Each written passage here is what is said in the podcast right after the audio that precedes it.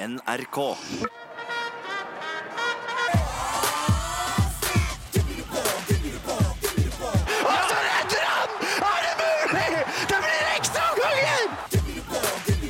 Timeout. En håndballpodkast fra NRK Sport. Sikringen har gått! Alt er tomt! NRK Sport. Ja da, det er tid for en uh, ny podkast, og jommen har jeg ikke fått med meg håndballrojalitet inn i studio i dag.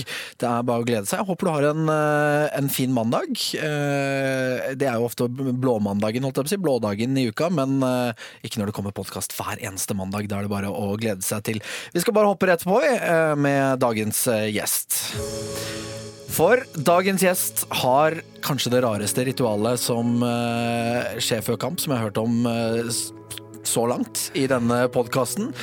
og når man tenker på hvor mange kamper hun har spilt, så er det egentlig ganske sinnssykt å ha det ritualet. Ingen har flere landskamper enn dagens gjest. Hele 305 ganger har hun spilt med flagget på brystet. Nå har hun lagt opp, men hun har eh, fortsatt en, eh, en frykt som vi skal prate om i denne podkasten, og det er nemlig frykten om å gå glipp av noe og egentlig hva som helst. Eh, hun har vært med eh, Det er kanskje derfor hun har vært med i omtrent alt av reality-programmer som er mulig å være med på. Spørsmålet nå er bare om Ex on the Beach eller Paradise Hotel er nestemann på lista. Hun beskrives av alle som ekstremt profesjonell og tidenes lagspiller. Frykten var faktisk å ikke finne noen feil, rariteter eller særheter ved dagens gjest. Men jeg kan røpe såpass at etter en god prat med mange rundt henne, så skal vi i hvert fall innom både politisk korrekthet, shortser, autistiske evner og året 2000. Og som vanlig, hvis du googler dagens gjest, så er dette alternativene som kommer opp. Reality, samboer, Mesternes mester, mamma, rekord, utdannelse og alder. Karoline Dyhre Breivang, velkommen hit. Tusen takk. Uh, Beit du da merke i noe av de tingene som var i introen her? Jeg lurer på det med frykt og sånn, da. Det var jeg litt nysgjerrig på. Ja, eh, det, og det skal vi komme tilbake til. Jeg tenkte faktisk for en gangs skyld så skal vi ta eh, Google. Altså Ja. vi skal ta det systematisk. En lita liten hurtigrunde, rett og slett. Ja. Alder. Alder er 38,5. For det er jo altså noe av det første som kommer opp når man googler deg. Eh, utdannelse. Jeg har bachelor i forretningsjus fra BI, og så har jeg første andreavdeling juss fra Universitetet i Oslo. Hvordan i verden har du rukket alt det, da? Nei, det kan du lure på. Har du Jeg skal være skada et par år, vet du, så da rekker man noe annet enn å spille håndball. Men dette gjorde du mens du spilte håndball? Jeg gjorde det mens jeg spilte håndball, ja. Da, det gjorde jeg. Men så var det en periode der i starten av når jeg begynte på landslaget. I starten av 20-årene så var jeg jo tre år skada i strekk. Og Ja. da rekker du å gjøre noe skole. Ja. Eh, rekord. Hva kan det være? Er landslagsrekord, da. Ja. Jeg gjetter det. Eh, jeg skulle bare se om du tok det med. Det er selvfølgelig helt riktig. Mamma, det er jo rett og slett at du har blitt mamma. Jeg har blitt mamma, ja. Jenny er Eh. snart to og et halvt år, så det er gøy. Hvordan har det vært? Det har vært uh, veldig veldig fint. Det er så fint som alle sier det. Og det er veldig overveldende å bli foreldre. Jeg visste ikke at jeg skulle bli så glad i en sånn liten klump så raskt, men uh, det har gitt masse glede. Bli, bli glad i eh, en annen klump, holdt jeg på å si, ikke bare en ball. Ja, ikke sant? Det er Noe med det. Det er mulig å bli glad i andre ting. Mesternes mester, det er jo selvfølgelig noe vi skal innom. Samboer eh, kommer også opp.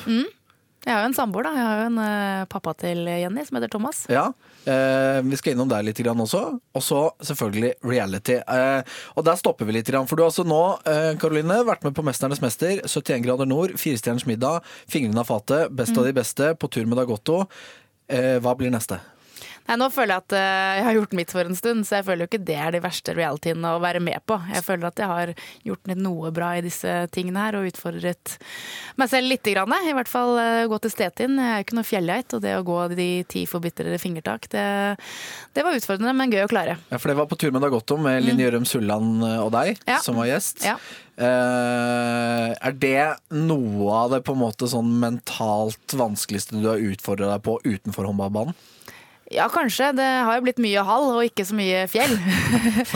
Og at uh, man får til det å gå så langt i fjellet. Det tok jo en dag. Ja. Uh, og det å se rett ned og stole på utstyret og hvor, egentlig, hvor fjellblind man kan bli i løpet av en dag, sånn høydemessig, uh, det var ganske spesielt. Men veldig gøy når man klarer det. Og det var en fantastisk dag i fjellet med sol og skyfri himmel. og ja, Det var magisk. Hva var det du kalte det? De ti forbitrede fingertak. Ja. Da må du gå ut i fjellet, en sånn 90 graders vegg ut, og så må du bare kaste deg ut og gå etter fingrene og beina, og så er det 1000 meter rett ned. Ja, ikke sant. Eh, Jeg står over. Eh, skal vi danse Farmen kjendis? Det er jo Kan det være noe? Eh, nei, ikke ennå i hvert fall. Jeg tror nok ikke det. Jeg føler at eh, det jeg har gjort fram til nå, det eh, Jeg får litt tyn på jobben og sånn, så nå får Ja, jeg roe fordi du er med i så mye? Ja, jeg føler jo ikke at jeg er med i veldig mye. Det har jo vært over ganske stort eh, alderspreg, det her. Så, så det er to ting som jeg syns hadde vært veldig gøy å være med på. Det er 71 og Mesternes mester. Nå har jeg fått lov til å gjøre begge deler, så nå kan jeg slappe av. Eh, Ex on the Beach, Paradise Hotel. Det- Så lenge man har samboer, så er vel ikke det noe man, man kan være Nei, med på. Jeg tror nok jeg hadde takket høflig nei dersom jeg hadde blitt spurt. Men dine venner eh, sier altså at dette er med frykten. For de sier at du har en fear of missing out. Ja, det, det stemmer nok. Jeg er veldig nysgjerrig, og jeg skal ha med meg alt. Og jeg kan sitte og snakke med deg, og så kan jeg ha et sånn halvt øre på noe som foregår der borte. Ja, for det er noe som på en måte har blitt beskrevet. Er det at eh, sånn som i eh, klasserommet for eksempel, eh, så er du ofte med i syv samtaler i hvert fall ditt hode. Så vi kan på en måte sitte og ha en samtale eh, om la oss si eh, 71 grader nord. Ja. Eh, og så oppfatter du at det er eh, noe som du har lyst til å veie inn på, på andre siden i en annen samtale, og så sier du 'hva var det du mente nå'? Eller jeg kan si hva da. Ja. Det sto jo hva da på russelunden min. Ja, Ja. ikke sant? Mm. Altså, klarer du ikke å gå glipp av ting? Jeg har kanskje blitt bedre på det med årene. At jeg ikke Har du det? meg. Det, ja, det velger jeg å tro selv, men kanskje hvis du spør omverdenen, så stemmer nok ikke det. Men uh, jeg er blitt flinkere til å bruke energi på, på det jeg får gjort noe med, og ikke det jeg får gjort noe med. Men så er jeg litt sånn her, jeg skal ha med meg ting og er litt nysgjerrig. Og noen ganger så er det bra å få med seg ting, andre ting så bryr jeg meg kanskje litt mye. For dette gjelder også når du skal, ta, når det skal tas bilder, Karoline. Ja, jeg pleier å få med meg når det, når det tas bilder, så det er jo noen bilder på ja, fra Larvik-tiden hvor de har tatt bilde av banens beste, og ingenting bak på, lineup følger med, og så ser du en med peacetime og veldig glad i bakgrunnen. Så, Ja, men da har det- bare blitt sånn greie, da. Men, ja, men du har jo en, det som virker som en sykelig evne til å oppfatte at nå er det et kamera i nærheten som kommer til å ta bilde av noen i din nære Altså, de, de, de sier jo at det finnes jo nesten ikke bilder hvor du ikke kikker rett i kamera. Men tenk da de andre ikke følger med, kanskje ikke helt fornøyd med bildet, så er jeg liksom på da, og prøver å gjøre det så godt jeg kan med utgangspunktet jeg har. Men jeg har kikket litt gjennom også eh, litt sånne NTB scampics, eh, litt sånne bilder fra mesterskap og sånn. Ja. Det er ganske sjukt hvor ofte du oppfatter også at det er et kamera i nærheten underveis i kamp, Nei, faktisk. det, det er ubevisst, altså. Ja, men da, da skjønner vi hvor, hvor, hvor langt det har gått. Jeg er veldig til stede. Men hva er det du frykter for å på en måte ikke få med deg nå, da? Nei, nå er jeg mer rolig på det. Nå er det liksom det som er viktig for meg og min familie. Det er det som er det aller, aller viktigste, og de jeg bryr meg om. Og så det som ja, andre har energi på, det, det klarer jeg å la ligge. Så Kidden som har kommet, eh, der har du vært med på første steg, altså eh, første ord, alle disse tingene her. Ja, jeg tror det. Ja, Ja. For du har ikke gått glipp av noe? Nei, Det er vanskelig å si. Jeg har jo vært borte fra henne et par ganger. Jeg Ja. var jo borte første gang da hun var tre måneder gammel, for da er jeg borte på Champions League-tur. Ja. Og så sånne type ting. Så, så det er jo sikkert noe jeg har gått glipp av. ja. Men jeg var jo borte tre uker i sommer også på Mesternes mester, og da er det sikkert noe som jeg har gått glipp av da også. Men med, med, med dagens samfunn, med, med, hvor man kan snakke med FaceTime og sånne type ting, så får man i hvert fall med seg litt. Eh, for jeg tenkte vi, Det var en veldig fin overgang til 'Mesternes mester'. Eh, jeg har fått beskjed av både kollegaer her og, eh, og andre som på en måte har spurt liksom, ok, hva, hva har du lyst til å vite om Caroline Dyhre Bravang? Og det spørsmålet som kanskje blir tatt opp mest, er hvordan trener du? Fordi eh, folk er jo sånn Du var jo helt sjukt i eh, 'Mesternes mester'. Du imponerte jo så til de grader. Jeg skal, skal si, Fordelen var at det kanskje var bare gått ett år siden jeg la opp. da. Det er kanskje fordel nummer én. Ja, Men jeg, jeg liker jo å trene fortsatt, selv om jeg ikke trenger å trene så lenge. Eh, Så blir jeg litt hyggeligere å ha med å gjøre hvis jeg får trent. Så eh, jeg går på bootcamp en gang i uka, ute på mandager fra åtte til ni på Jarmyra. Og da er det en sånn trener som forteller oss hva vi skal gjøre, at vi skal løpe dit, ta ti burpees, løpe dit, ta 20 knebøy. Som man gjør når man har lagt opp. Ja da. og så sykler jeg litt til og fra jobb. Det er sånn 16 km hver vei. Da får jeg liksom brukt reisevei som trening. Ja. Kommer hjem og er ferdig trent. Og så trener jeg litt på Olympiatoppen på onsdag morgen med de damene som jobber der. Eh, Og da starter dagen med trening på Olympiatoppen og frokost der, så det er perfekt start på onsdagen. Jeg elsker onsdager. Mm, Nå har vi kommet til onsdag. Ja. Nei, jeg kan ta meg fri også. Jeg er veldig rolig på det. Det var litt sånn i starten jeg hadde lagt opp, hvis jeg ikke hadde fått trent og, og Jenny hadde lagt seg, så var jeg litt sånn, derfor jeg kjører hjemmegym. Hva gjør du på torsdag? Nei, det, da kan det hende at jeg tar fri.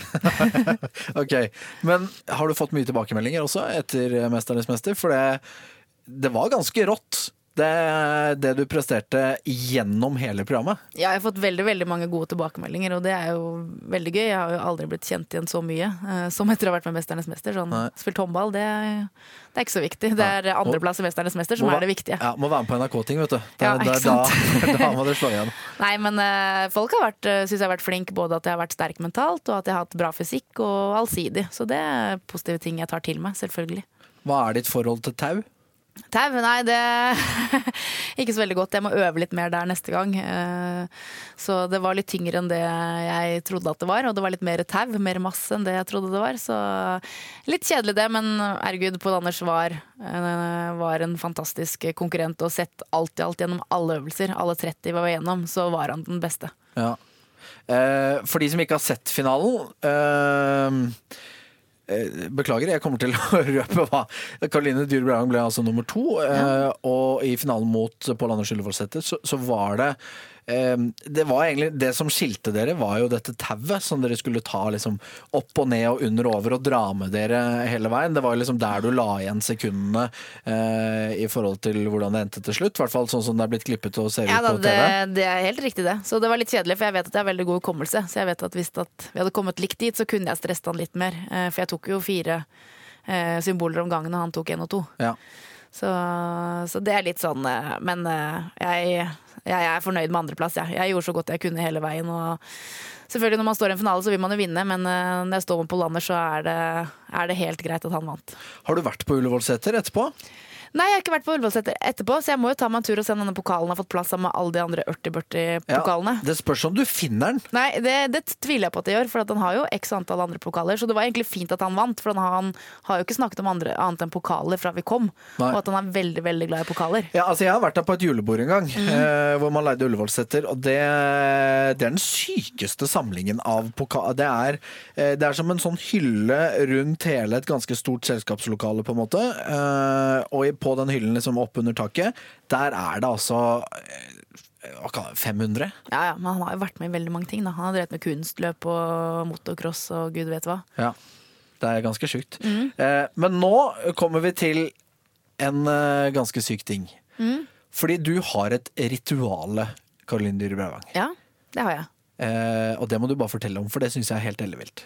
Nei, det er å pusse tenner da, før jeg skal uh, spille kamp. Så det har jo vært noen ganger i garderoben hvor, eh, hvor Ole Gustav Jekstad eller uh, Tor Oddvar eller Torir har stått og snakket litt, og så har jeg stått og pusset tenner ved siden av.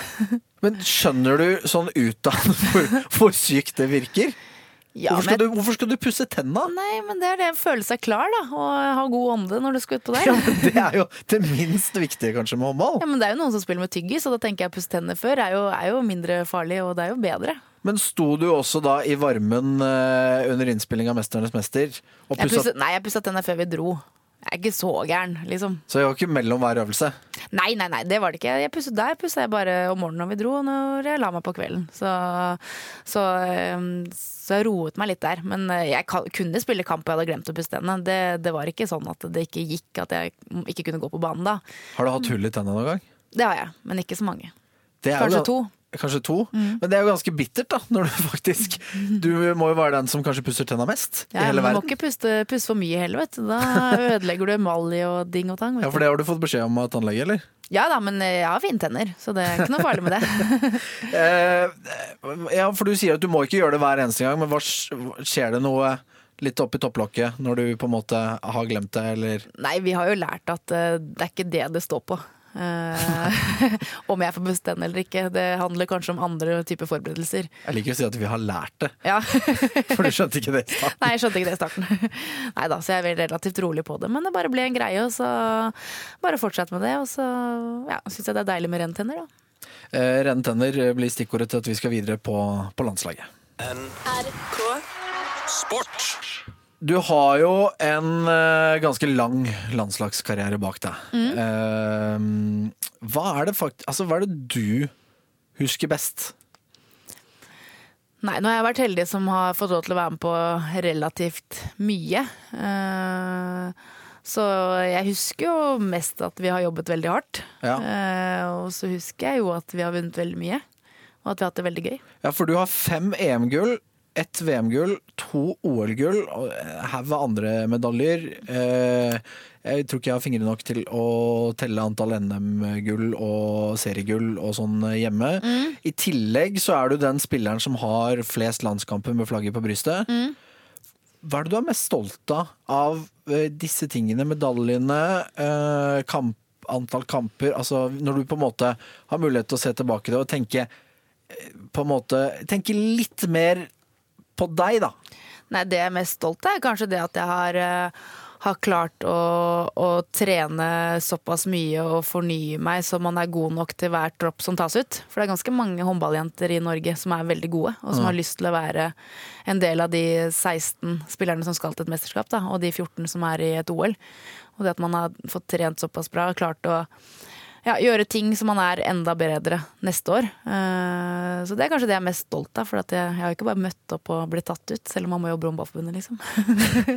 Mange, men mange av de som spiller nå, Mm. eh, sier jo på en måte litt sånn Når jeg spør liksom, hva, hva er det du husker best, er det sånn åh, det er litt vanskelig, for de, de lever på en måte til neste mesterskap, Mm. eller det som skjedde akkurat det. liksom det blir veldig sånn, da. Mm. Har du fått tid til å dvele litt ved det i ettertid, eller uh, går livet ditt i det samme tempoet som du ønsker at det alltid skal ha gjort, veldig, veldig, veldig fort? Nei, det er jo deilig nå når man har frihelg, det skal Ja, jeg innrømme. ja. At jeg har jo knapt hatt en frihelg fra sesongen startet i ja, rundt 20. juli da, til den var ferdig i slutten av mai. Så har jeg kanskje hatt én frihelg, eh, hvis jeg hadde vært heldig. Men nå når fredagen kommer og jeg har to dager til fri disposisjon, skal jeg innrømme at det er ganske, ganske deilig. Men så tror jeg det kanskje er grunnen til at man lykkes så bra og klarer å holde på så lenge. Da. At man, man står i det og tar ikke de pustepausene og, og, og nyter. Eh, samtidig så skulle jeg jo ønske nå at jeg hadde nytt kanskje litt mer underveis. Men det er ikke sikkert at jeg da hadde holdt på så lenge eller gjort det så bra eller eh, klart å fornye meg, da. Men hvis du må trekke fram én ting, da? Hvis du må trekke fram et øyeblikk eller et mesterskap eller en scoring eller hva det enn skal være? Det mest, eh, mest eh, merkelige som jeg tenker, er at eh, det må være semifinalen mot Sør-Korea i OL i Beijing. Ja. Vanligvis så vet du at du har vunnet eller du har tapt eller spilt uavgjort når du går av en håndballbane, men her visste vi ikke. Ja, for her er det altså er det, 57 sekunder igjen eller noe? Nei, 54. Og dere leder med tre mål? Ja, det er et, ett og et halvt minutt igjen, så leder vi med fire mål. Ja. Og så får vi en utvisning. Eh, og så har vi egentlig god tid, og så får vi to tekniske feil og mål rett imot. Og så har vi egentlig en, har vi god tid til å ha ballen, men så skyter Ragnhild Aamodt i stanga. Og så er det jo seks sekunder når de uh, utligner. Eh, og jeg har jo aldri tatt et hurtig avkast for hele mitt Nei, liv. og det, fordi jeg har uh, spilt inn en podkast med Tore Hergarsson, uh, og han snakker om den kampen. Han snakker om at uh, For du Fordi Nå skal jeg prøve å huske litt riktig her, men du Dere fikk jo en utvisning. Ja. Så at du på en måte kom jo inn på en plass i Forsvaret hvor primært du hadde spilt. Eh, men din, altså den, den som hadde rollen Else Marte Sølle Lybekk skulle Ja. tatt hurtig. Den som hadde rollen til å ta det avkastet, mm. var jo ikke på banen. Nei. Og den eneste som tenkte 'jeg tar den rollen' Ja. i et split second, Ja. var deg. Ja. Uh, og det er kanskje det to, hvis, Jeg tror hvis Tore liksom skulle beskrevet deg på en måte i Altså et øyeblikk, Ja. så er det det øyeblikket at du tok den rollen der. Ja. Mm. Tok det avkastet kjapt. Og så fikk du gitt den til Gro, og så er, er vi usikre på om den er inne eller ikke i løpet av tida nesten ennå. Ja. Men det ble jo dømt uh, inne, og så venter vi på, protest og alle disse greiene her. Ja. Hva som gjorde hva, altså, har, du, har du fundert på det? Hva, hva som gjør at du At du bare tok den For det, du, du har jo ikke, du har aldri skulle gjort det verken før eller siden, på en måte. Nei, men det handler jo om å, å følge litt med, og, og det å hva skal jeg si, til være til stede. Og når du er, jeg er jo playmaker innimellom, og da vet jeg jo hva eh, oppgavene til de forskjellige systemene er. Jeg vet jo hvor streken skal stå, jeg vet jo hvor kanten skal løpe, jeg vet jo hvor, hva oppgaven til sidebekken er. Ja, men Så- din oppgave var jo ikke å løpe opp og hende, ta det i avkastet. Nei, nei, det vet jeg, men jeg, jeg er så skrudd sammen sånn at jeg, jeg vet uh, mange roller og oppgaver, og jeg vet at uh, jeg har skrudd sammen så, såpass at det er ikke slutt før det er slutt. Nei. Så jeg tenkte at det er bare å prøve. Og så handler det om å følge med og være til stede, da. Ehm, vi skal ha min håndballfamilie etter hvert, hvor du skal få lov til å plukke ut seks kvaliteter. Ehm, veldig mange har jo allerede gjort det. Eh, veldig mange velger lagspiller som en kvalitet. Veldig mange har med deg som lagspilleren. Torir kaller deg definisjonen på lagspiller. Han, eh, eh, når han hadde sine seks kvaliteter som han mener er viktig, så nevner vi egentlig ikke Litt sånn fordi han er landslagssjef også og ikke vil sette noen opp mot hverandre, hverandre, så nevner vi egentlig ikke navn. Nei. Bortsett fra deg. Du er den eneste der. Ja, det er veldig hyggelig, da. Hva, hva gjør det med deg å høre det fra så mange, og eh, Torir, som har vært en så, såpass stor del av ditt håndballiv, i tillegg til Mari Breivik på landslaget, eh, og at han sier definisjonen på en lagspiller, og hva er det som gjør deg til det? Nei, det er litt vanskelig å svare på, men allikevel så, så vet jeg at uh, et lag er ikke svak, er bedre enn det svakeste ledd. Uh, og i et lag så trenger man noen sånne som kjører en overgang, gjør grovarbeidet. Uh, som kanskje ikke er sånn synlig for det blotte øye, eller de som bare ser kamp. da. Ja. Eh, men jeg vet at det er viktig for at vi skal skåre mål. Så er det viktig at noen spiller bra i forsvar, eh, eh, noen bare står i forsvar, eh, noen kjører overganger. Eh, For meg så spiller det ingen rolle hvem som skårer målene, så lenge vi spiller bra sammen. Og da tror jeg at hvis du bare har stjerner i et lag, og ikke har de som vil gjøre grovjobben da, ved å gjøre et kryss eller en overgangsspiller, så, så kan man jo vinne, men jeg tror det er større sjanse for at man vinner hvis man har noen som gjør denne, denne grovjobben. Da. Ja, for du eh, Jeg kunne nesten bli litt sånn irritert eh, når jeg intervjuet deg mens du var aktiv. Altså, jeg så for meg et scenario hvor jeg kan si Colin Dybravang, eh, dere vinner 18-16 i dag. Lite mål. Du skårer 17 av de. Eh, hva tenker du om kampen? Og ditt svar ville vært Er klart eh, laget jobber som Nei, men nei, Karo, du skårer 17 av 18 Ja. mål. Men allikevel så ville du fremhevet laget. Ja, men jeg vet at alle, alle jobber bra, og jeg vet at det er ikke sikkert at uh, det er de seks som starter som avslutter. Og det kan hende at, uh, at hvis du gjør en jobb i fem minutter, da, som er veldig viktig, kan gjøre at den som avgjør banen, får de fem minutter hvile. Dette er så lagspillersvar.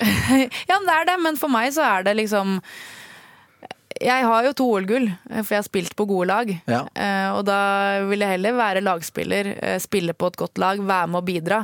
Men du er ganske god, du òg. Ja da, jeg, jeg er jo flink. Jeg tror ikke jeg hadde vært på landslaget nesten 15 år hvis jeg ikke var flink. Nei. Det håper jeg jo ikke at jeg har vært med på sånn sympati. Det tror jeg, dette, dette tror jeg er det nærmeste vi kommer selvskryt fra Caroline Dybravang. Nei, men det er jo mange stjernespillere som, som selvfølgelig har oppnådd mye og blitt kåret til verdens beste og sånne type ting, men som ikke har vunnet noen ting. Ja. Eh, før vi beveger oss litt videre på og inn på eh, karrieren din, mm. så sa jeg også i introen folk beskriver deg som ekstremt profesjonell. Eh, politisk korrekt, bryr seg om alle, eh, gjør omtrent aldri noe feil. Eh, jeg liker at du bare mm. Jeg lytter, jeg, så Stemmer. tenker jeg bare sånn stemmer ikke, stemmer ikke. Men altså, jeg har jobbet hardt for å finne eh, det vi kan på en måte kalle eh, Hva skal eh, Abnormale Altså ikke normen. Ja. Eh, stiller du f.eks. alltid riktig tøy på lagbilder? Jeg prøver i hvert fall, men det kan jo sikkert hende at jeg har gjort feil. da. At Ja. ikke har fått med meg riktig shorts eller noe. Ja, det er nettopp det. Ja. Det er nettopp shortsen. Ja. Ja, hvordan føltes det etterpå, når du ble gjort oppmerksom på at du hadde stilt i feil sponsor på shortsen? Nei, det jeg tenkte jeg at da gleder jeg bare alle andre med at jeg har gjort en feil. Ifølge Grå så er det ikke, det er ikke lov å ta opp sånne ting med deg, for det går såpass inn på deg. Ja, det går inn på meg der og da, for jeg har ikke lyst til å liksom, i hvert fall når jeg pleier å være påpasselig med å fortelle når andre gjør feil, så er det kjedelig å gjøre akkurat den feilen f- selv. Ja. Eh, men heldigvis skjer det ikke så ofte, da. Men jeg tror hvis jeg hadde tatt opp nå, så hadde jeg klart å le av det, altså. Og alle Av og til så skal alle spillerne signere eh, Autografkort, ja. ja, ja, eller på drakt, som det var denne gangen. Ja. Ja, Da er det viktig med kork på Kork? tusjen. Ja ja, det er viktig med kork på dusjen, ja. ja, Ja. Og da har jeg sikkert glemt en kork en gang òg. Ja. Det vet jeg at jeg har gjort. Ja, Det var strengt tatt faktisk ikke du som hadde glemt det. Det var, bare du, det var noen andre som hadde glemt det i Bergslihallen. Ja. Eh, men alle ble gjort ekstremt oppmerksom på at korken, Ja. den Ja, men, ja, ja, men det er viktig når du skal skrive autograf, så er det viktig at det ikke er sånn dårlig, dårlig tusj. For da blir jo de som skal få den, liksom litt lei seg. Ja. eh, og så bryr du deg om alle, selvfølgelig. Mm. Eh, men du bryr deg ikke om hvor alle sitter i bussen, fordi du har fast plass. Jeg har fast plass, ja. Ja. Det er det viktigste. Ja, Hvor er det du skal sitte i bussen? Jeg skal sitte på midten, liksom når du går opp eh, trappa i midten i bussen. Ja. Så er liksom den til høyre, da. Rett bak ved, over doen der. Men den som faktisk har utfordra deg mest på det å sitte eh, på den plassen i, Mm. i bussen, mm. det er faktisk Henrik Elvestad. Ja, ja, ja. Hva var greia der? Nei, han hadde helt sikkert fått beskjed av sikkert Gro eller Anja om å sette seg der. Ja, for Han eh, hadde jo da et program hvor han eh, skulle teste forskjellige idretter, Ja. eh, og skulle spille kamp med dere. Eh, og så kommer du eh, Og så kommer du om bord i bussen. Ja, og Da satt jo han på min plass. Ja. Og da ba jeg han pent om å flytte seg. Ba du ham pent? Ja, Det vet jeg ikke. I min verden var det sikkert pent, men jeg visste at de hadde bedt han sette seg der. Ja. Det visste jeg. Og da, Men flytta han seg, da? ja, han flytta seg. Han måtte jo det. Ja. Men hvor lang tid tok det? Nei, han spurte jo først litt, grann, og så gikk det jo sikkert litt tid. Jeg hadde jo klart å sitte, sitte et annet sted, da, så jeg er ikke sånn mer nå. Men det Men- blir liksom rutiner, da. Ja, Men hvor, men hvor kokte det, da? Nei, jeg tror jeg var relativt rolig selv, tror jeg det. Men det er ikke sikkert at hvis du spør de andre at jeg var rolig. Nei, altså jeg tror jeg har spurt de andre, og det, inntrykket er ikke at du var rolig da. Nei, det er, det er liksom øyet som ser, da. Sikkert rolig til meg å være, men uh, ikke rolig. Nei da. Men, uh, men noen sånne små hiccups må man jo ha. Og så, uh, og så sa jeg politisk korrekt. Mm. Det vil si at du sjelden sier noe feil. Ja, det gjør jeg sikkert uh, alltid, men jeg prøver liksom å svare ordentlig og høre på det jeg blir spurt om, da. Men jeg har sikkert gått i noe bar der, jeg òg. Jeg, jeg snakker med din venn som heter Fredrik. Ja. Eh, og eh, da ble vi enige å utfordre deg litt grann på, på dette. Hvis du kan bare gjenta etter meg. Ja. Eh, jeg er for at Nord-Korea skal ha atomvåpen. det skal jeg ikke si. Ja, men altså, det er jo, vi, ingen, altså, alle vet jo at ikke du mener det. Ja, ja, men bare, det... skal, hvis du bare kan si det. Nei, det skal jeg ikke si. Nei. Nei. Eh, Vi snakket også om han eh, Jeg er imot eh, Eller altså, jeg er imot homofili. Det er jeg heller ikke. For det, nå, dette er jo bare så det, Dette er jo da din venn som Ja, ja. eh, er homofil. Ja, så det. det var derfor vi følte at det var morsomt å spøke med. Men du, klar, du, du, du, du kan ikke ta ordene i din munn. Jo, jeg kan ta det i min munn, det er ikke noe problem, men nå, sitter vi her og snakker, og vet jo aldri hvor disse klippene her forsvinner hen. Ja, jeg, jeg kommer ikke til å redigere det den veien. Men er du, er du, du er veldig opptatt av det? Og på en måte eh, si de riktige tingene til riktig sted?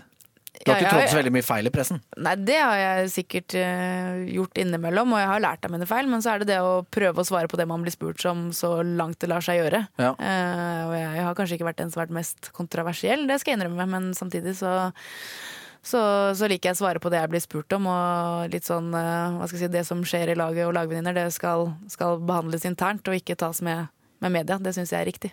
Hvordan var klesstilen din før du møtte Fredrik? Den var ikke veldig, veldig bra. På, vi begynte jo på NTG sammen i 1996, og jeg var jo mest opptatt av, skole og håndball. Og saggebukser? Ja, litt seggebukser, og jeg gikk jo mye joggedress, det skal jeg innrømme. Ja. Jeg skjønte at han, øh, han prøvde å kjøpe ting til deg sånn at du Altså i, i forhold til klesveien. ja da, han øh, Jeg hadde vel ikke prøvd G-streng før, før jeg fikk bursdagsgave av han, så Jeg er veldig glad for at du bare hoppa rett dit, at jeg slapp å si det selv. Ja da, jeg visste at det var det som kom, så Ja. Men, men eh, altså landslag, du debuterte jo på landslaget i 2000, Mm. på høsten. Hvordan var sommeren før øh, debuten på landslaget? Ja, Da var jeg på seilferie med familien til Fredrik Ja. i Hellas. Rolig og fin ferie? Ja, det var rolig og fint. Jeg fikk ikke trent så mye, jeg var på en båt, da. Mm. Så jeg prøvde jo å trene litt, men det var ikke så mye trening. Det var det ikke. Jeg gjentar spørsmålet en gang til. Da. Rolig og fin ferie? Rolig og fin ferie. Ja. Så det var ikke, det var ikke noe utagerende festing, f.eks.? Jeg, Jeg vel- prøver nå å finne altså, den ene tingen jeg har klart å finne ved deg. Jeg var vel på en fest eller to den sommeren, det skal jeg innrømme. Ja. Men det kan hende at den andre var det òg. Ja. Mm. Dansa gjorde du òg. Dansa gjorde jeg såpass uh, Inntil en stolpe, blant annet. Ja, det har jeg sikkert også gjort. Det, jeg var jo bare 20 år, da, så det var viktig å leve litt liv før du ble dratt inn i, i den virkelig seriøse sporten. Falt ned fra en høyttaler òg. Ja, det har jeg også gjort, sikkert. Ja. For dette er, dette er den eneste delen som ikke Det er derfor jeg henger meg litt opp i det. Ja, ja. øh, Når jeg var 20 år, så, så dansa jeg på en høyttaler og falt ned. Det, det har jeg gjort i Syden. Ja. Ja. Men uh, dette var jo også sommeren føre, og Mm. så får du da landslagsdebuten. Eh, var det da bare sånn switch?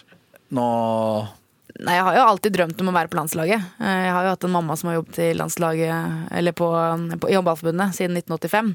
Så jeg har på en måte vært oppvokst med håndballjentene, og fikk jo møte de når de tok sølv i OL i Seoul i 1988. Og fikk møte de når de kom på Fornebu med jeg leverte LP-plate av Sølvguttene innpakket i aluminiumsfolie. Og tenkte at eh, jeg har lyst til å bli landslagsspiller når jeg blir stor, jeg også. ja. Ja, men det er jo mange som har den tankegangen. Ja, Det er jo mange små barn som sitter kanskje og hører på nå, som drømmer om nettopp det.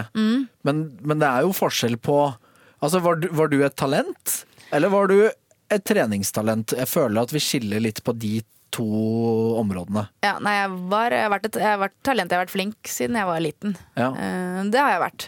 Eh, men så har jeg jo trent etter hvert, eh, også ganske mye. Ja. Så jeg tror det blir en kombinasjon etter hvert. At jeg tror, du kan ikke leve på talentet ditt for evig. Det kan du ikke. Du er jo oppvokst i Bærum. Mm. men kanskje ikke hadde de premissene som veldig mange vil hoppe til når man hører at man vokste opp i Bærum. Nei, jeg er eh, oppvokst i, blokk, jeg. Sammen med mamma, pappa og to brødre. Eh, men de har alltid vært fantastiske til å følge oss opp, eh, meg og mine søsken. Og, og vært trenerne mine og vært med på turnering og sovet i gymsal og i klasserom. Og vært fantastisk til å følge opp for at jeg skulle nå mine drømmer. Så jeg kunne ikke bedt om mer fra de. Men allerede tidlig så var jo du en lagspiller. For jeg skjønner at etter skole og sånn, så dine foreldre hadde eh, vaskejobb som du ble med på. Ja, pappa hjalp meg litt i starten, da. Så han, eh, ja, for at jeg skulle få hvile og trene, så var det han som tok vaskejobben min i starten. Okay. Og hjalp meg med det. Og så hvis jeg hadde tid, så var jeg med å bidra. Men det er eh, noen sene kvelder på pappa som har hjulpet meg for at jeg skal kunne oppnå drømmen min og bli håndballspiller. Så jeg er evig takknemlig for det. Ja, For det er dine venner som beskriver på en måte litt sånn oppveksten sånn som de har uh, hørt fra deg. Uh, uh, du delte også rom. Med, du hadde ikke, eller delte rom med bror. Ja, da, jeg har delt rom med brødrene mine. Det Ja. er nok ikke den eneste som har gjort det. Men, eh, men, eh, og det har gått helt fint. Og så beskrives du som veldig lite materialistisk. Ja, jeg tror ikke jeg er det. Så lenge jeg har eh, mat og kjærlighet, ja, så er jeg fornøyd. Hvor viktig er det å ha foreldre som Tror du, da. Som stiller opp. Altså, man ofrer jo ganske mye som foreldre eh, når de Jeg vet at, jeg vet at uh, Veldig ofte så har man sikkert et ønske om hva, hva slags idrett den skal drive med, eller sånne ting. Og så skal de få lov til å bestemme sjøl. og så vet jeg at det er noen som på en måte liksom uh, Ja, så begynte han å drive med orientering. Og da sa jeg da, det, jeg, jeg orker ikke sitte med en post de neste 20 årene ute i skogen. Uh, men hvor viktig på en måte for, Og nå er jo du der i den rollen snart sjøl, hvor kanskje i det et par år så skal Jenny begynne å spille et eller annet. Ja. Nei, jeg, jeg er arvelig belastet. Mamma og pappa har jo spilt håndball, så jeg har vært i Nadderhallen fra jeg var ca. en uke gammel. Ja. Eh, Så jeg har jo vært med på trening og på kamp og sånn fra jeg var veldig liten. Så jeg har jo, selv om jeg har drevet både med turn og alpint og gått i korps og spilt fotball, så er det på en måte håndball jeg har mestret aller, aller, aller best og hatt lyst til å bli. Ja. Eh, Og selv om mamma og pappa har vært trenerne mine, så har de aldri presset meg til å spille håndball. Eh, Det, jeg har jo truet flere ganger med å slutte fordi jeg er lei eller føler ikke jeg får det til så bra. Eller sånn, og da har det vært sånn ja, hvis du vil slutte, så må du gjerne slutte. Det er ingen, som- vi skal ikke tvinge deg. Nei. Men så har de vært fantastisk til å kjøre på når du har vært på regionale samlinger og litt sånn type ting. Så har de jo kjørt land og strand rundt for at eh, jeg skal komme på treninger og, og bli god, da. Hva tror du din datter kommer til å begynne med av idrett? da? Nei, det skal hun få lov til å bestemme selv. Eh, hun synes jo hun har jo vært i hallen en del ganger foreløpig. og Men Du har gitt henne en sånn liten håndball? Jeg har ikke gitt henne en liten håndball, men det er ganske mange andre som har okay. sørget for at hun har allerede ganske mange håndballer. Ja. Så hun, men hun er med i hallen og på en måte både sparker og Ja, da Hun syns det er veldig gøy og- å være med og se på kamp. Og når hun ser håndball på TV, så er det sånn mamma spiller kamp og mamma på TV. og Ja. veldig sånn. Men, eh, men eh, skal ikke se bort fra at hun kommer til å bli introdusert for håndball. Men, eh, men om Det håper jo vi andre. men om hun vil spille eller om hun blir flink, det er jo opp til henne. Ja. Men med de genene hun får fra deg, så Mm. håper vi at du i hvert fall introduserer henne for håndball. Ja da, det er veldig opptatt av å stå i mål foreløpig, da. Og står med hendene opp og tripper, og, for det gjør tante Lene. Ja, tante Lene er Lene Rantala, så Ja. det, tante Lene står i mål. Ja. Mm.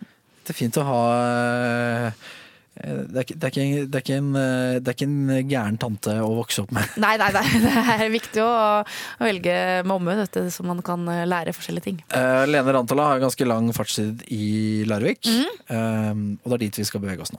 NRK Sport. Du hadde jo en eh, lang og begivenhetsrik karriere i Larvik. Hvorfor eller hvordan tror du at dere klarte å oppnå alt det dere gjorde?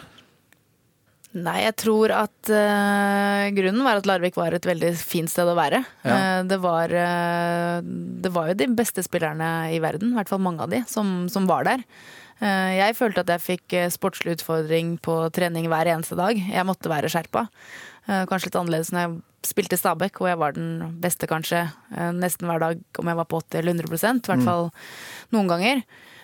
Men kommer du med 80% i Larvik håndballklubb, så blir du Enten så får du høre det ved at noen kjefter på deg eller forteller at nå må du liksom stramme opp, eller så blir du jo godta eller finta forbi, eller du kommer ikke fram til mål, rett og slett. Nei. Eh, og så er det noe med det, i hvert fall føler jeg, at når du får lov til å begynne å spille Champions League, eh, og du får lov til å gjøre det hvert eneste år, så er jo det det kuleste du kan gjøre som klubbspiller. Og for at du skal få til å gjøre det, så må du vinne serien. Eh, det har blitt beskrevet som en familie. Mm. hva ligger i det? Nei, jeg har vært så heldig at jeg har mine nærmeste venner uh, i, i det laget jeg spilte på store deler. Eh, og vi blir jo veldig uh, godt kjent. Vi er jo på tur sammen og er sammen hver dag, ofte to ganger om dagen. Så du vet jo hvem som skal melke kaffen og hvem som er sure når de er sultne. og og jeg er jo fadder til datteren til Karmette Johansen, og hun er fadder til Jenny. Ja. Så vi blir jo veldig gode venner, og det er kanskje grunnen til at jeg har holdt på så lenge og vært i Larvik så lenge, for jeg hadde det så gøy. Eh, Jeg trivdes så bra. Eh, Og for meg så er det sportslig utvikling og trivsel som har vært viktig. Og Det ble jo en ganske ellevill sportslig utvikling eh, etter hvert. Du har jo mesterligagull mm. med Larvik. Er det sportslig sett det største med Larvik? Ja, med Larvik, det er uten tvil. Eh, Det å, å vinne Champions League, som har vært et mål for klubben veldig veldig lenge. Man har vært nære flere ganger. Og det å faktisk klare det eh, med de du trener med hver eneste dag, de du setter deg eh, mål sammen med når sesongen starter, og de du ja, løper intervallet med og kjenner utrolig godt. Og det å faktisk få det til sammen når det er så høyt nivå i toppen, da, det var utrolig stort. Og jeg har vel aldri vært så glad for å tape en håndballkamp noen gang. I og med at vi vant med to på hjemmebane og tapte med ett borte. Ja, for det var uh, spanske Itzaco. Ja, mm. Som jeg alltid syns er så vanlig. Ichaco eller Itzaco. eller hva man Itzaco skal eller et eller annet. Ja. De var fra Spania. Ja, det var fra Spania. Uh, for dere vant jo, tapte jo med ett borte. Eh, etter å ha vunnet med to hjemme. Eh, hvordan hvordan kan du beskrive den kvelden? Det var eh, veldig rart å endelig ha nådd det. Eh, det er liksom noe som har vært så eh, vært, vært et mål såpass lenge. Og når du vant kun med to eh, på hjemmebane, så er man jo veldig spent hele uka. Holder det? Ja. Eh, er det, er det bra nok? Eh, hjemmebane, bortebane, e-cup. Det er liksom to forskjellige verdener. Og vi kom jo i hallen der hvor det var noen sånne tepper på tribunen som ikke kunne trekkes for. Så Mm. Cecilie Leganger sto jo med sol i øynene en hel omgang. Eh, Så det var litt sånne type ting som, som var stemmer spesielt under, under kampen, og de gikk det gikk eh, mystisk vis. gardinene andre Ja, det var mystisk at den ene omgangen, det, da var det umulig å trekke de for. Ja. Så, så det å, å klare det, det var, eh, det var helt fantastisk. Eh, jeg vet fra folk som jeg har prata med, som, har vært, som er fra Larvik eller fra regionen der nede, at du, i tillegg til Carl Erik Bøhn, eh, følte kanskje veldig mange var den eneste som Kanskje ikke eneste, men det var de som brydde seg veldig mye om eh, rekrutt. Altså rekruttlaget til Larvik, de unge som kom opp. Har det vært viktig for deg å få folk og unge til å føle seg sett? Ja, det, det er viktig for meg, for at jeg vet at eh, man er avhengig av alle. Og skal du ha en god treningsgruppe, så må du være litt mer enn åtte stykker. Nå var vi litt flere enn åtte stykker i Larvik, men, eh, men allikevel så er det det at man har jo vært ung selv en gang. Jeg var jo eh, 18 år da jeg ble tatt opp i eliteseriestallen til Stabæk, og spilte jo litt Eliteserien, var med trente de, men jeg var jo med i andredivisjonen i Jenter 19. Og det at noen ser deg, og noen følger med, og noen kanskje kommer på kamp. da. Eh, Og se på, se på rekrutter, det syns jeg var viktig. Og så var det for meg å få et miljø i Larvik også. Eh, Jeg kom jo alene nedover, eh, og kjente jo ikke så mange. Og da å kunne komme og se på noen Jeg, bry, jeg liker jo håndball, og da å se på noen som syntes det var hyggelig at jeg kom og så på, samtidig som man møtte noen kjente på tribunen, syns jeg bare var hyggelig. Tror du det er en hall du har tilbrakt mest tid av hvis vi snakker om bygg? Eller er det et hjem? Nei, det er nok hal. Mye hal. Ja. Det er det. Det er det. Så jeg har jo gått på NTG, eh, Norges toppidrettsgymnas, i tre år, så da har det vært mye hall der. Og så er det jo mye hall fra jeg var liten, mm. og spilt på mange forskjellige lag. Så jeg har jo vært en del hjemme, men det har vært mye hall, ja. Du har hatt en god del trenere opp igjennom. Eh, Store trenerprofiler. Gole mm. Gustav Jekstad, Tore Hergersson, Mari Breivik, Karl Erik Bøhn med flere.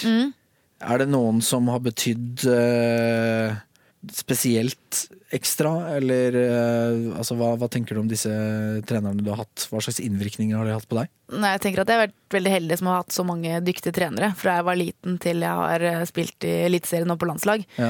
Det at eh, man har blitt sett for egne, egne ferdigheter, men også blitt utfordra og fått høre det hvis man ikke står med riktig fot foran og ikke er nøyaktig. Da. Fordi Ja. det er jo trening hver dag som, som er det aller, aller viktigste. Eh, Det er det du gjør på trening hver dag som gjør om kamp blir lett eller ikke. Hva, hva er liksom hva, hva, hva er forskjellen for eksempel på Marit og Torer? Altså Marit Breivik og Tore Hergersson? Eh, De er jo ganske like. Eh, Torer var jo Marit sin hjelpetrener i, i syv år. Så det er jo mye av de samme filosofiene som jeg trives veldig godt med. Det at det er, eh, er en teamorientert ledelsesfilosofi.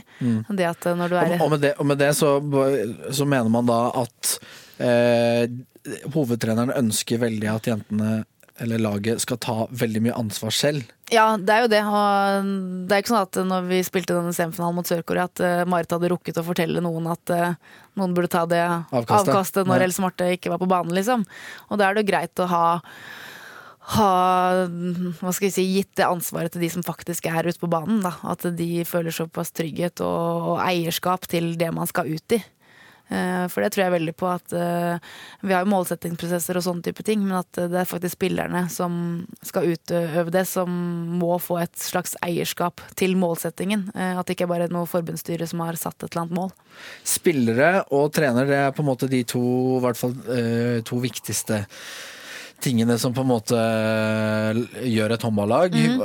Hva er dine tanker om hvordan eh, en trener bør tenke eller eh, bør være overfor jentene?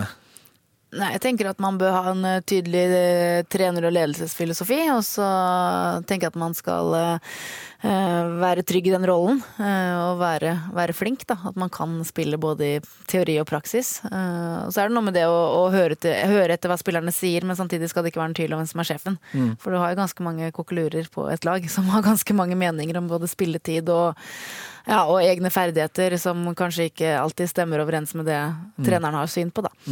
Så det er jo utfordrende å være, være trener og leder når du skal lede eh, mange, mange spillere og mange gode spillere. Hva slags råd har du til unge spillere som mm. kommer opp på seniornivå, eller eh, skal kjempe seg opp og gjennom, eller, eller bare unge spillere som er unge spillere, hvordan de skal utvikle seg, hvordan de skal tenke? Nei, Det jeg syns er best med håndball, da, det er at det, det er jo ikke noe, noe fasitsvar for hvordan du skal gjøre ting. Det er ikke noen sånn stilkarakterer. Nei. Så hvis jeg kommer på en trening og viser en underarm, eksempel, så vil jo jeg vise det på min måte, og så kommer Nora Mørk og viser det på en helt annen måte, fordi vi har to forskjellige spillestider og to forskjellige teknikker. Ja.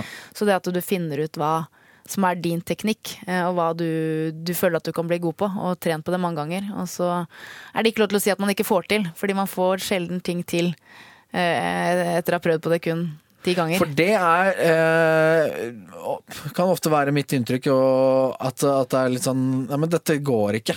Dette får vi ikke til. Mens eh, i hvert fall mitt inntrykk da som trener er Men det er jo derfor vi trener på det. Eh, men, men der tror jeg liksom kanskje litt sånn unge i dagens samfunn også, i forhold til eh, alt som ligger til rette Ja. for de, er at eh, eh, man av og til eh, kanskje ikke blir utfordra like mye på det der mestringsfølelsen. Altså det å på en måte eh, gå ut og gjøre noe, eller prøve på noe som man nødvendigvis ikke har anlegg for eller kan med en gang. Ja. Nei, det er, bare, det er jo øving og det å ha det gøy som er det aller, aller viktigste, Ja. eh, tenker jeg. Og så er det litt sånn hvordan du har fokuset ditt, da. Eh, hvis du får, eh, får spille åtte minutter, da. Av, nå er det en eliteseriekamp to ganger 30, da. men da er det jo liksom 52 minutter du ikke har fått spilt. Hva har du fokus på? Har du fokus på at du fikk åtte, eller har du fokus på alle de 52 minuttene du ikke fikk? Hva er ditt inntrykk der, da?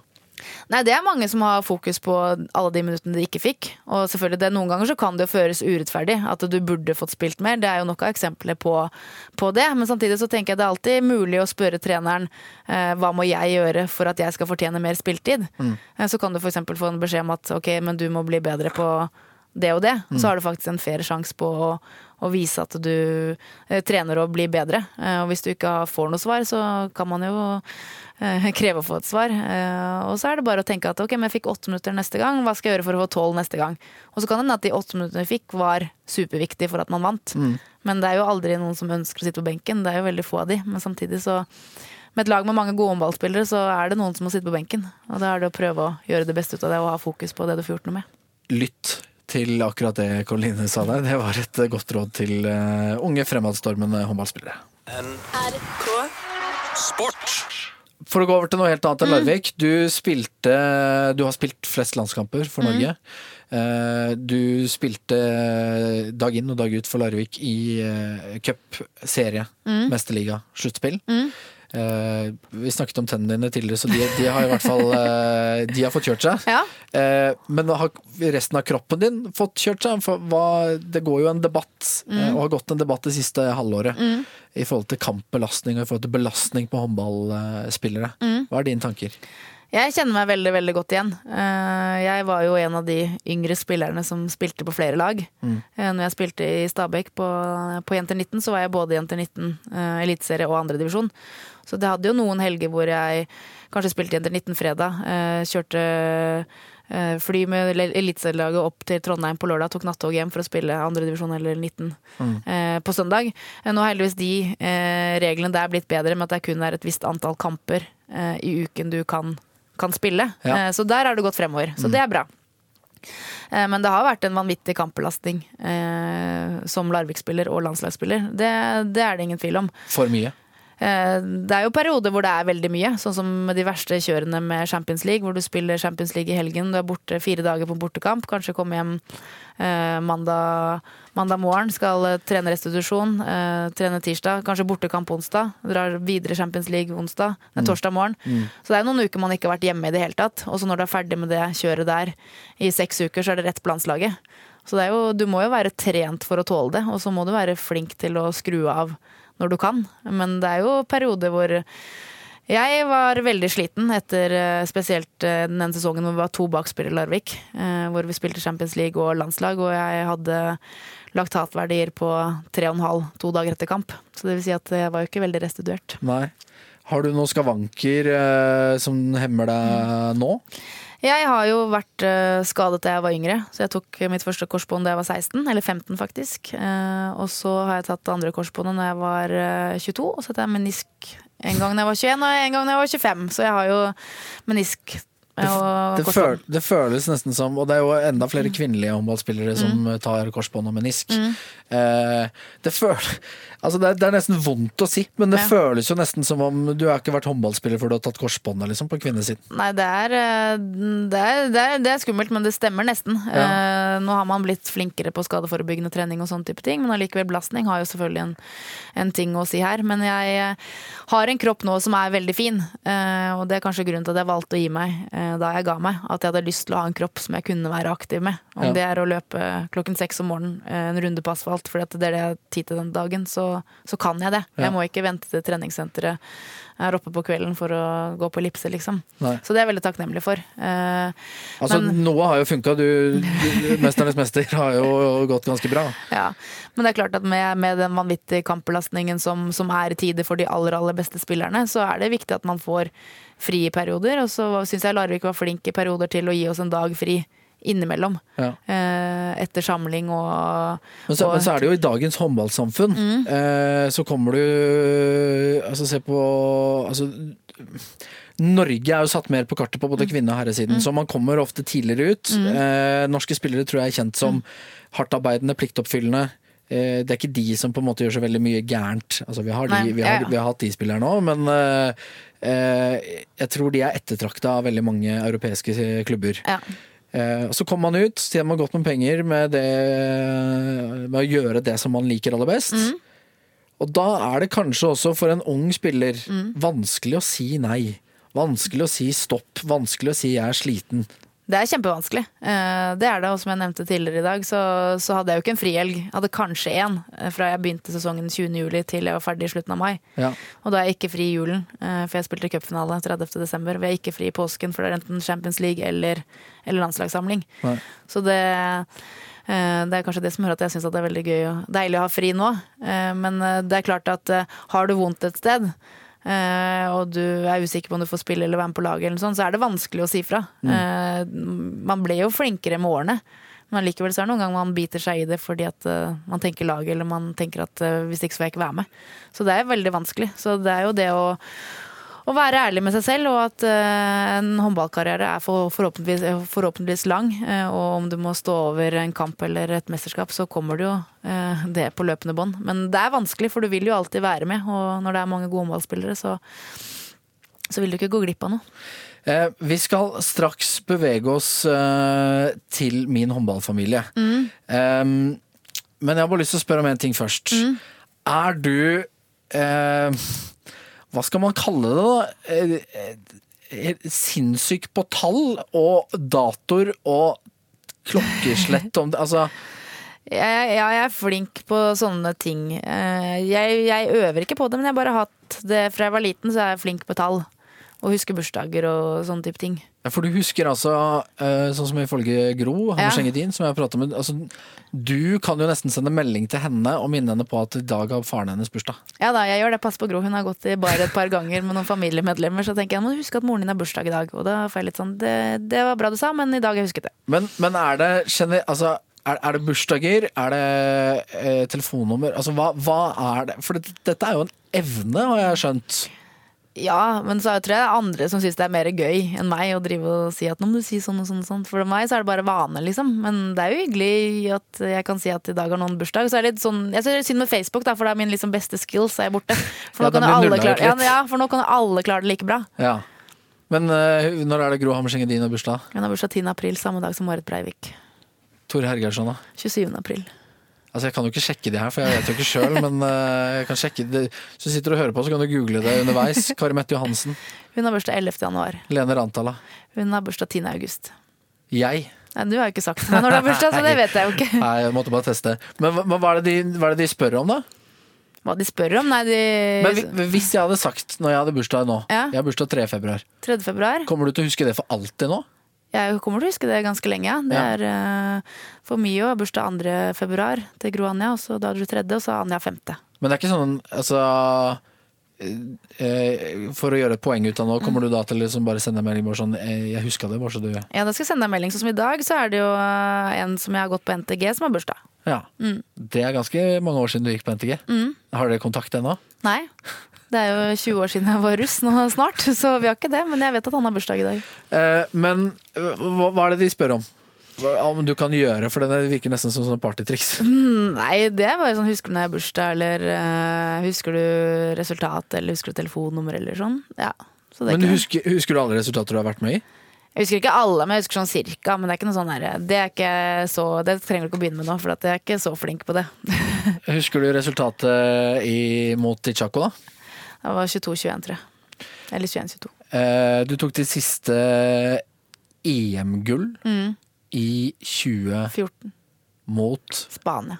og det ble Jeg Nei, det husker jeg ikke. Da var jeg så glad jeg vant. Så, tror faktisk det ble 28-25. ja, Eller 27-24. En av de to. Ja. Mm. ja, det er imponerende. Eh, men men du, er, du er ikke sånn eh, på liksom matte og i forhold til liksom hoderegning òg, eller? Jo, jeg, jeg syns det er gøy å spille yatzy, så jeg blir sure på de som driver med kalkulator hvis de spiller yatzy. Ja, det er ikke innafor. Nei, det er, ikke innafor. Ja, det er ikke innenfor. Ja, jeg er også ganske kjapp på hoderegning. Mm. Jeg vil jo tro at du slår meg likevel, men, eh, men ja. eh, Det der å skulle eh, ta fram en kalkulator for å ta de enkleste tingene, da blir jeg litt sånn, vet du hva. det Ja, der skal du klare. ble- Ja, det blir sånn, nei, du regner nedover og sånn, så det er liksom Det er juks. Ja, jeg er helt enig. Eh, Da har vi kommet fram til min håndballfamilie. Skal være spennende å høre om eh, hvilke kvaliteter du har tatt med. Mm. Og om du har lagspiller, og i så fall hvem det er. Men det skal vi ta etter hvert. For det, det er bare igjen da, den ene jinglen som har overlevd den nye sesongen. Og det er den som jeg syns setter også i så fin og lun sånn familiestemning.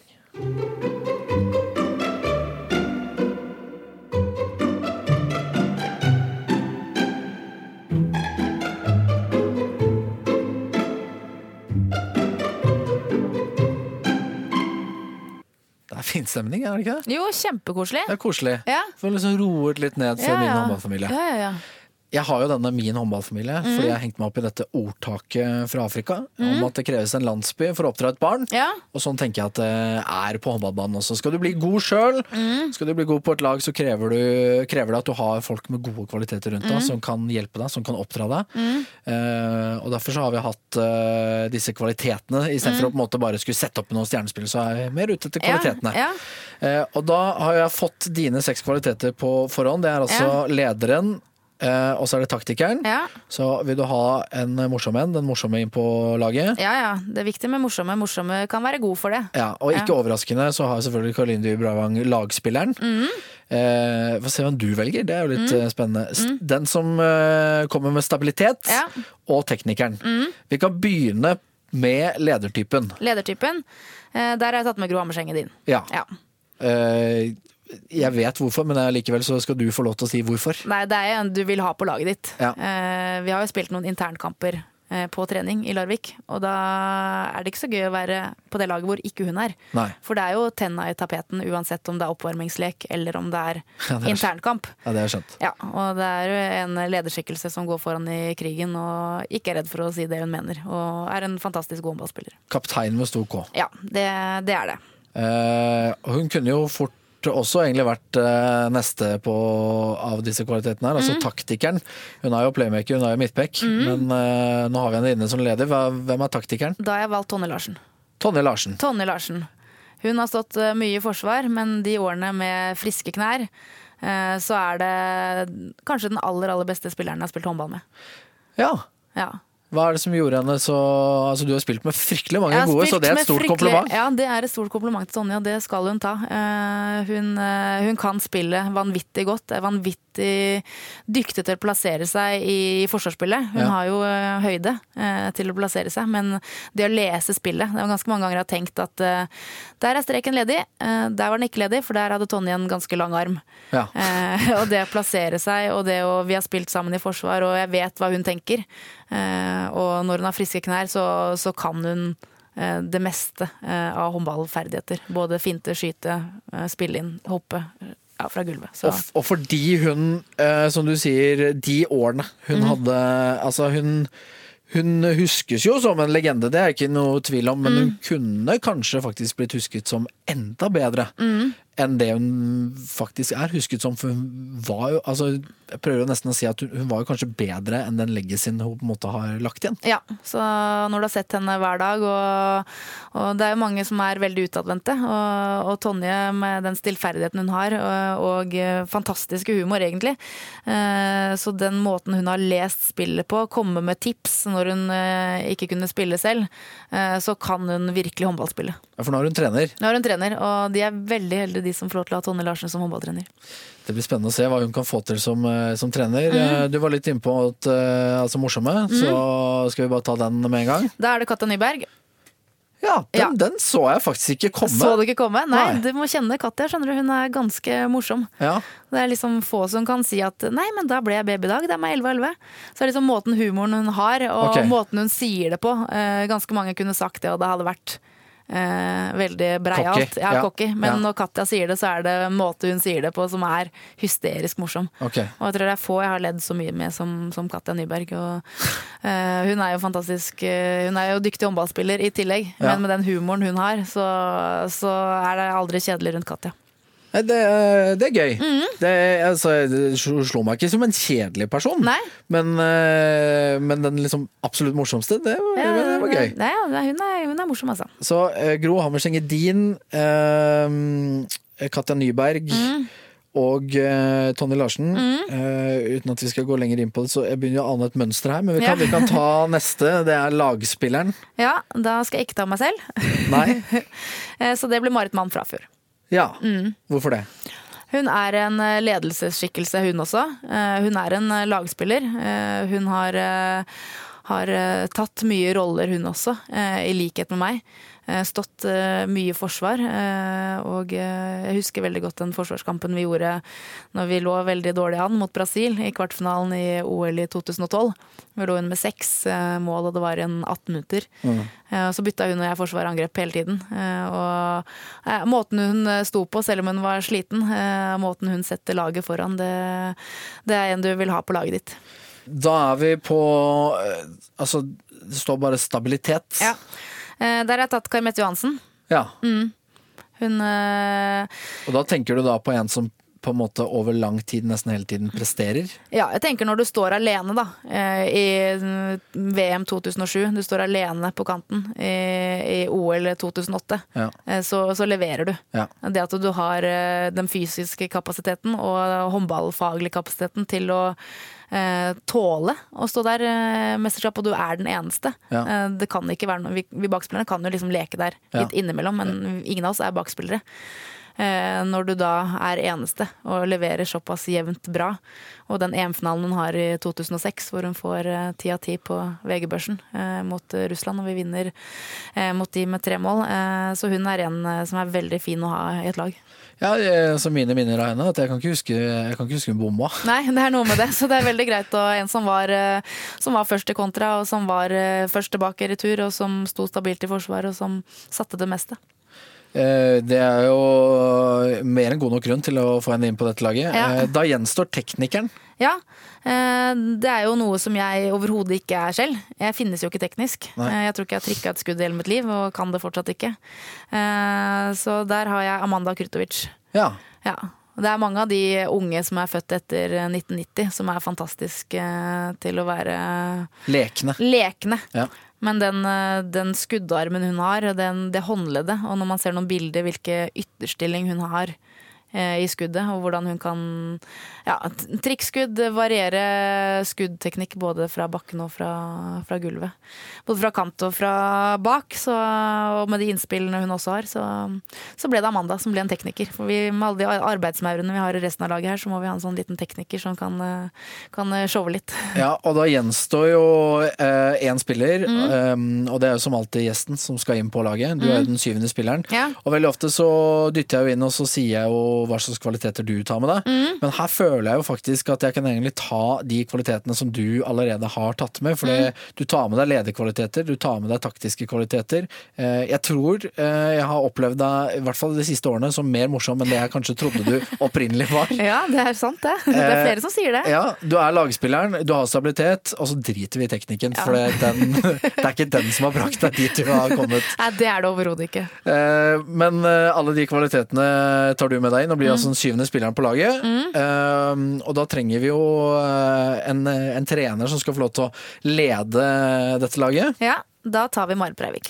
Ja, du kunne valgt eh, nesten hvem som helst, for Ja. du har jo som du har sagt tidligere, nesten bare hatt gode trenere. Ja, så Sånn sett var jeg veldig heldig. Men eh, jeg Hvorfor valgte Marit? Nei, jeg syns eh, vi har veldig god kontakt i dag også. Jeg syns hun har eh, vært flink til å se meg. Eh, og eh, det er vel ikke alle som har fått treneren til å grine når man passerer 50 landskamper. Eh, så når Marit skulle gi meg eh, bevis for at jeg hadde passert 50 landskamper, så ble hun så rørt for at jeg hadde vært så mye skada i de årene fra jeg debuterte i 2000 til jeg fikk 50 landskamper i 2004. Eh, så, så måten hun eh, Hun så meg på og fikk meg til å prestere, så, så valgte jeg henne. Men eh, det var mange andre jeg kunne valgt òg, men jeg tok Marit. Da er det et lagnavn. Ja, det blir bare Larvik, det. Ja, for jeg skulle jo si at det er jo eh, Altså, det, det var et spor av eh, alle, alle her har jo vært innom Larvik. Ja, og det er vel fordelen når man har spilt på et av verdens beste klubblag, at det er noen der. eh, Når man har det så gøy sammen og ja, spiller med gode spillere hver dag, så Vanligvis så sier jeg jo at uh, dette laget tror jeg hadde klart seg ganske bra. Mm. Uh, jeg kan si det nå også, men samtidig, hvis, hvis, hvis de skulle spilt i dag Det er klart at uh, du har et litt aldrende lag, da, bortsett fra Amanda Kurtovic. Ja da. Altså men ikke aldrende, Nei, nei, dere er nei. ikke gamle, men uh, de fleste har gitt seg her. jeg tror vi kunne hosta opp et ganske bra forsvarslag, selv om vi ikke har keeper her, da. Ja. Så uh, vi hadde vært bra i forsvar, og det er viktig. Veteran-NM, eller? Ja, det, ja, nei, det har jeg ikke vært med på, men det tror jeg ikke jeg har tenkt å være med på heller. Ja, for der går det, der går det mye skader. Ja, Og det, det trenger jeg ikke. Nei. Da er vi faktisk ved veis ende. Ja, Eh, hvordan har du øh, hatt det? Jeg har hatt det veldig hyggelig. Veldig gøy. Det er jo hyggelig å, å snakke om ting som jeg har, har brent for, og som har vært en stor del av livet mitt eh, i veldig, veldig mange år. Og som jeg ser tilbake på, på med glede. Det er noe med det å legge opp. Det er veldig trist, men samtidig når man kan se tilbake på så mange fantastiske eh, idrettsår, så mye meritter, og ikke minst alle de fine menneskene jeg har fått møte, og som jeg fremdeles har i livet mitt, så, så er det bare, bare fint. Bortsett fra reality, hva er veien videre nå? Nå er det tilbake på jobb. Eh, Jeg har jo en vanlig jobb ved siden av, så det er den som tar mye tid. Og så er det å være sammen med Jenny og familien min. Og så er det Farmen kjendis etter hvert. Tror nok ikke det. Du, eh, vi skal avslutte som vi alltid gjør, med eh, noen av høydepunktene fra, fra håndballivet. Håndballmesterskap og håndballhøydepunkter. Mm. tenkte jeg, I dag så avslutter vi med EM-finalen i 2014, eh, som ble seier fordi det er uh, ditt siste mesterskapsgull. Eh, men som jeg sier til alle gjestene, har du noen spesiell måte å si ha det på? Det har jeg ikke. Eh, Jeg kjører bare helt vanlig safe. Ha det bra. Ha det bra. Da sier vi det. Ha det bra. Og så kan jo jeg legge til at med denne episoden så tar uh, Tamat-redaksjonen, uh, undertegnet altså, med ja, jeg føler god samvittighet, så tar uh, en god, lang uh, sommerferie. Da var det godt å avslutte med en håndballegende som Karoline Dyre Breivang. Så denne gangen så skal jeg ikke bare si ha det, jeg skal også si god sommer og eh, takk for at du hører på. Det er kjempehyggelig. Det betyr mye. Og eh, Fortsett å følge med på håndball. Vi kommer til å sende alle mesterskap på NRK Sport på radio. Hvis du ønsker å høre på der, det er eh, hyggelig. Men for nå, god sommer og eh, flere håndballspillere der ute. God opptrening da, til ny sesong, og lykke til. Nora Mørk ut til Koren! Ja da! Setter den mellom bena på Silvia Navarro! Og skårer sitt eh, Ja, er niende mål på ni forsøk. Det er så deilig. Det er som å komme hjem til jul og se at alle syv bakverka står og venter på trammen. Og i tillegg så får vi en spansk bom. Matchball Norge! Matchball til Norge! Spanjolen har dårlig tid. Bare bli ikke noe bytter nå. Bare stå i 6-0. Penya! Ja, hun tar den, Silje Solberg! Takk skal du ha! Håndballjentene er som julenissen! De viser seg fram hver jul og kommer med gull, røkelse og myrra. I hvert fall gull! Og 30 er sekunder igjen! Og Tore like rolig der nå. Ja, der smeller han eh, timeout-kortet i, i bordet. Takk skal du ha. Vi trengte en timeout, Tore Erkardsson. Kan sette sin tiende, og hun gjør det! Norge er europeiske mestere i håndball! Og jeg gjentar det gjerne! Håndballjentene er som julenissen! De viser seg fram hver jul! Og de gir gull! Gull! Gull! Igjen fra Budapest! så er det gull med hjem til Norge! 28-25. Han er utklassing!